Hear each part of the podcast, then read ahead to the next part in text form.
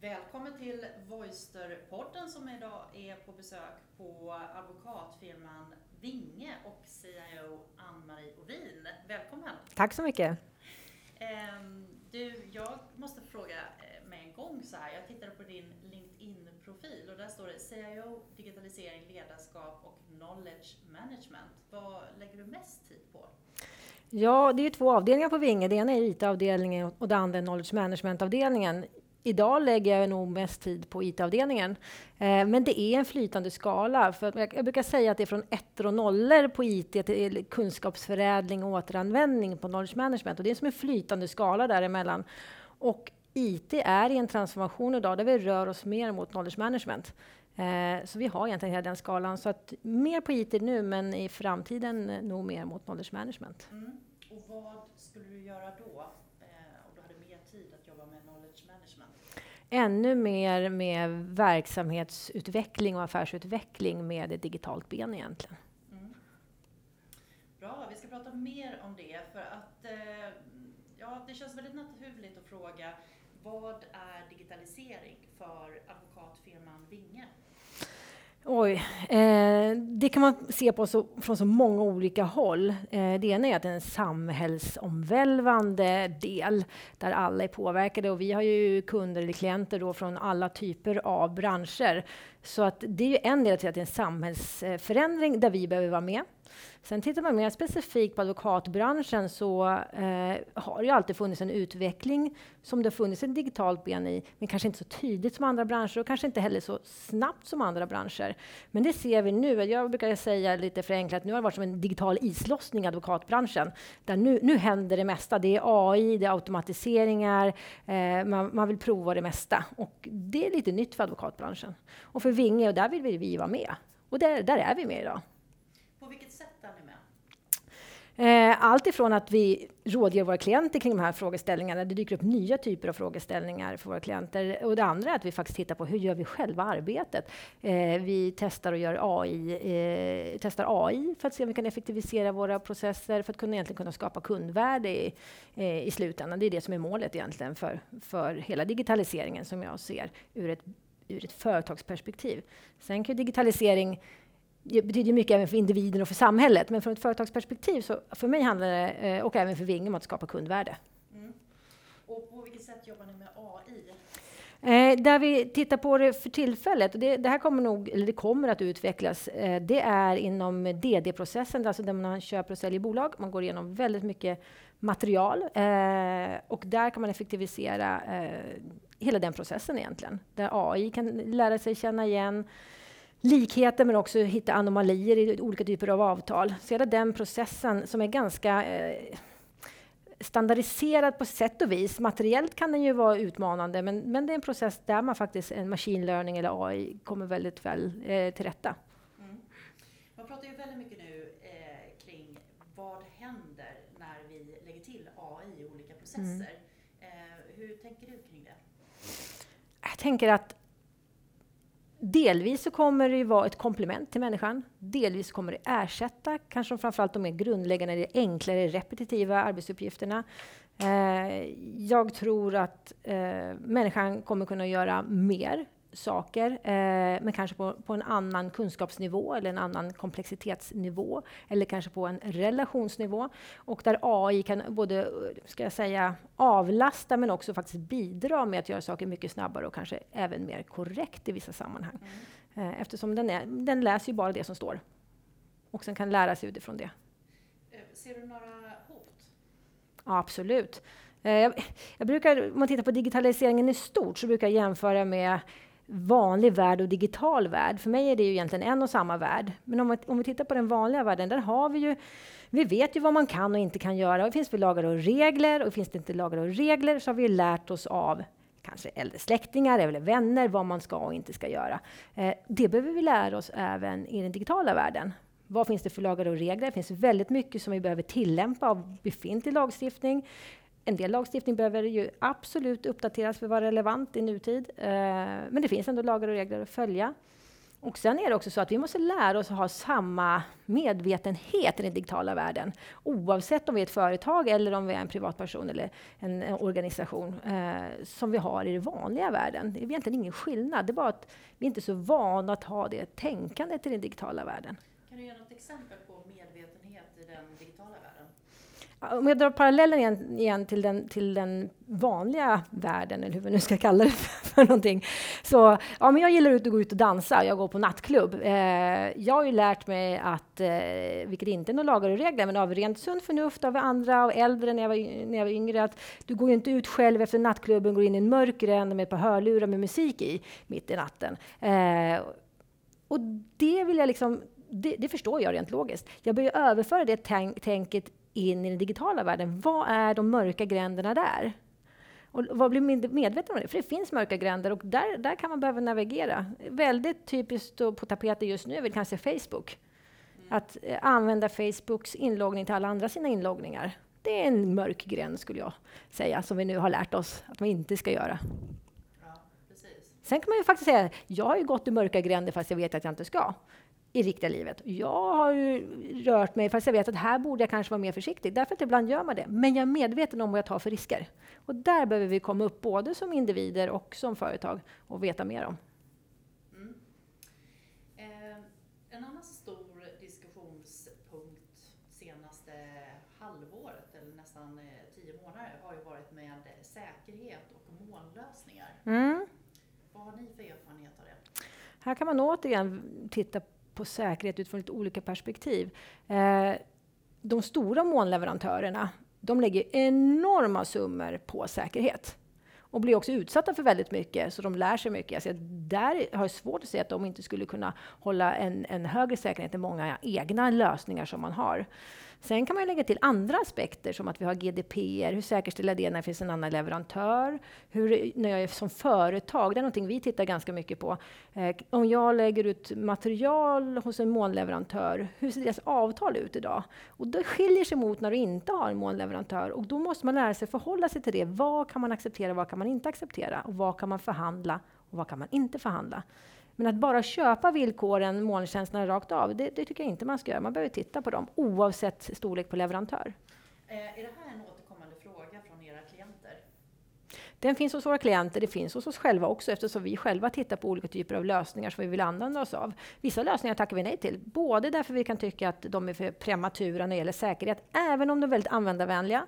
Eh, andra väljer vi att gå med för att vi ser att här, i det här fallet kan molntjänster vara ännu tryggare än kanske en, en lösning som man har själv. Så det, men vi reflekterar över det eh, och eh, jag tror att allt fler kommer behöva göra det. Mm. Och vad har ni valt? Vi har en mix av både där vi, eh, säger, vi tittar på informationsklassning av information. I vårt fall som advokatbyrå, vilket gäller väl alla advokatbyråer mer eller mindre, att, att våran vår information som vi värnar om mest är våra klienters information. Eh, det är inte vår egen immaterialrätt eller så, utan det är våra klienters information. Och det måste vi vara extremt försiktiga med. Eh, och vi har en advokatsekretess att förhålla oss till. Så i vissa fall väljer vi att det här kommer vi sköta själva. Eh, och det kanske har mer med sekretess att göra, kanske snarare än en, en vanlig IT-säkerhet. Eh, andra saker bedömer det här kan vi lägga ut i molnet och då har vi gjort det. Eh, vi har några varianter där, där vi har lite olika förslag. Man kan ha det hos oss eller lägga det i molnet. Så kan klienten själv ta ställning till. Det finns lite olika, en pragmatisk lösning försöker vi göra. Men att vi rör oss i en riktning mot molnet, det är ju otvetydigt. Det gör ju hela samhället. Absolut.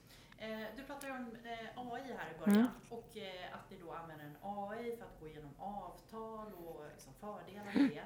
Ehm, det här med att man till exempel när man är ganska ung i yrket, mm. oavsett om man jobbar som journalist eller jurist, mm. det här med att man gör enklare ja. arbetsuppgifterna för att sen bli bättre och bättre. Eh, vad händer med den biten när man applicerar AI? Ja, det är en högst relevant fråga. Det, det här är ju någonting som vi nu kommer börja se mer av. Ju mer vi börjar implementera både i vår bransch och andra sådana typer av yrkeskårer, eh, så kommer man se att tar man bort det mer standardiserade, det, det, det, arbete som många har som insteg, så måste man hitta andra modeller för hur man lär sig utbildar sig. Det är som ett hantverk, man blir duktigare genom att göra väldigt mycket. Eh, det kan inte hindra utvecklingen, för vi går ju mot en digitalisering. Men vi måste hitta andra sätt. Hur utbildar vi? Hur säkerställer vi att vi får den träning vi behöver? Jag säga, där har vi inga givna svar, men vi tittar, och vi tittar på lösningar och vi diskuterar det som en aktiv fråga. Eh, men det är en spännande del om hur digitalisering faktiskt stöper om på företag också, i, i grunderna.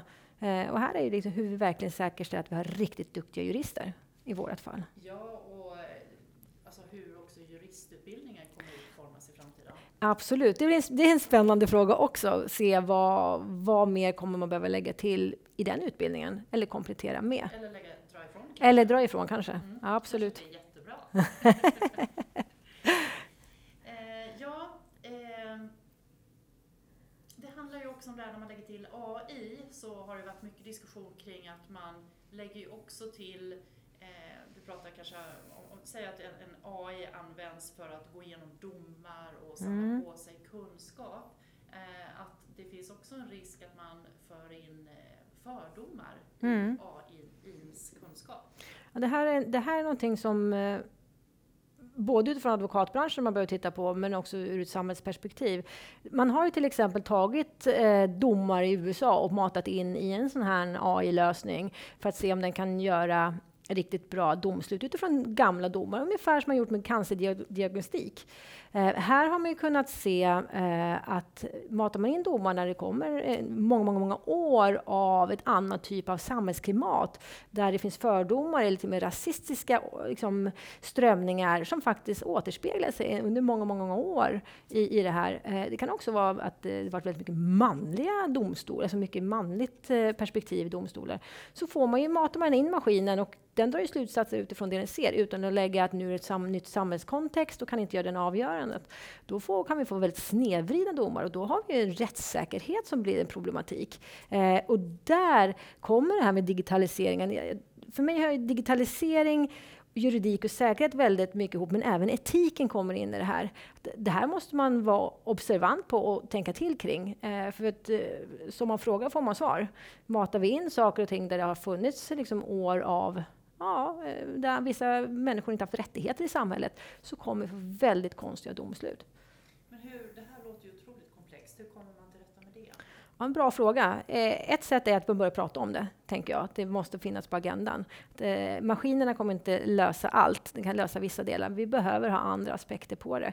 Kanske kan man komma så långt i framtiden att maskinerna kan korrigera för sådana saker, men där ser jag inte att vi är idag. men jag tror det behövs en aktiv dialog. hur, hur sker samarbetet i er bransch kring de här frågorna? Och det finns på, på, olika nivåer skulle jag säga. Vi har ju ett samfund eh, som för vissa typer av frågeställningar, eh, Advokatsamfundet. Vi i olika konstellationer mellan advokatbyråerna diskuterar de här frågorna, både i Sverige eh, och faktiskt med länder utanför. Eh, både i, i Norden, Europa och, och ytterligare, där vi diskuterar de här typen av frågorna. Eh, och även till, kan jag säga att även, det är både på, på, på högsta nivå men också även på CIO-nivå diskuterar de här typen av frågor. Eh, och om du jämför Sverige med andra länder, hur, hur är det, ligger vi långt efter eller hur är det? Svensken är ju väldigt teknikmogen och hoppar snabbt på nya saker som privatperson. På bolagssidan så är, anammar vi mycket av det, så vi är ganska långt framme. Men om jag tittar på AI och den, den typen av lösningar, och automatiseringslösningar inom advokatbranschen så är både England och USA ganska långt framme. Eh, annars så, så ligger Norden generellt sett långt fram. Du började prata om att det kan behövas en viss lagförändring. Ja, det är väl mer om jag tittar på det stora hela samhället, att digitaliseringen är så omfattande och den är så snabb. Jag menar, det har funnits en digitalisering, fast då hette det inte så, det hette det verksamhetsutveckling eller utveckling. Men, mm, det har ju funnits hela tiden, men skillnaden nu är att det går så fort och det är på så genomgripande nivå att Självklart finns det lagar som behöver hänga med eh, och utvecklas för att vara i sin samtid. Exakt vilka alla de är, är svårt för mig att gå igenom. Men, men det finns absolut sånt man behöver titta på. Och skillnaden är att digitalisering går fort, att ändra lagar går inte riktigt lika fort. Mm.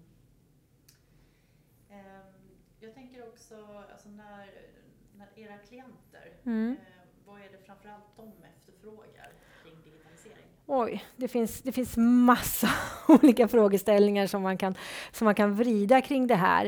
Eh, det ena är rent avtalsmässigt, hur man ska förhålla sig till. Eh, hur skriver man avtal med, med månleverantörer som är säkra över tid, till exempel? Eh, det är en vinkling på det. En annan vinkling är om du lägger en, en arbetsrättslig perspektiv på det. Vad händer om, vilket börjar hända på en hel del arbetsplatser, AI ersätter arbetskraft? Vad sitter vi för situationer då? Blir det arbetsbrist? Den typen av dialoger finns ju också. Eh, och egentligen allt däremellan, skulle jag säga. Vi är verkligen ett tvärsnitt av svenskt näringsliv, och även utländskt för den delen. Och alla sitter i någon typ av digitalisering. Och de flesta förstår att det finns en hel del juridik man behöver ha koll på då. Men Jag vet en, en, en sak som dyker upp mycket i de här sammanhangen immaterialrättsligt.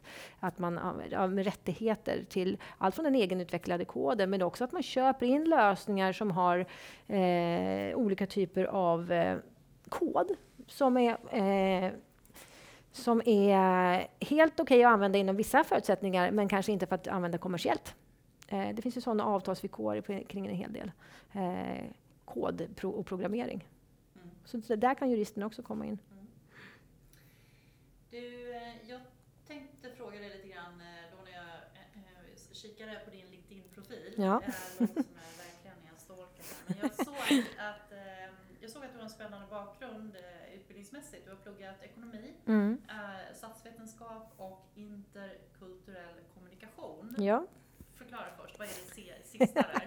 Eh, det var, jag pluggade en kurs i Lund för att titta på hur människor från olika kulturer, eh, eller inom samma kultur från olika samhällsskikt eller olika regioner, hur man kommunicerar och förstår eller inte förstår varandra. Det var en väldigt spännande övning. Ja, eller kurs. Ja, det. Eh, men du, hur, kom, hur, vad, hur blev steget till CIO?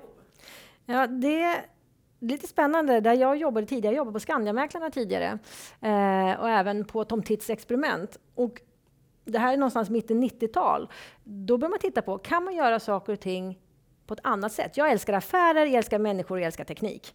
Eh, om man tittar på utvecklingen från någonstans i 90-talet eh, kan man göra någonting på ett bättre eller smartare sätt, då var det oftast någonting som var digitalt. Det kan vara allt gå från att skicka ut ett brev till att skicka e-post. Det låter ju väldigt gammalmodigt, men väldigt enkla steg. Och jag drivs av utveckling, så jag har drivit utvecklingsprojekt genom alla mina yrkesår och nästan alltid har det varit digitalt. Eh, och när jag gick vidare från, från Skandiamäklarna till Vinge så var det faktiskt i en affärsutvecklarroll eh, och med en digital anknytning. Och i samband med att jag eh, arbetade med det så fick jag frågan om jag också ville ta rollen som CIO. Och då tänkte jag så här, ja, jag älskar utveckling, jag älskar affärer. I nästan allt det idag så är det någonting med IT eller digitalt med, så varför inte? Ja, varför inte? Men du, eh, du verkar vara liksom, eh, skolexempel på hur man ska ta till sig eh, digitalisering och ny teknik. Kan du ge tre tips hur eh, ja, hur man ska förhålla sig, tycker du, för att eh, överleva i den här snabba tiden som ja. framför oss? Ja, jag säga, vara nyfiken, eh, våga prova och vara lite sunt skeptisk. Ja, Då skulle jag nog säga. Låter det för bra för att vara sant så är det nog det. Det är en lärdom också. Ja, tack. Då avslutar vi med det. Ja, tack så mycket. Tack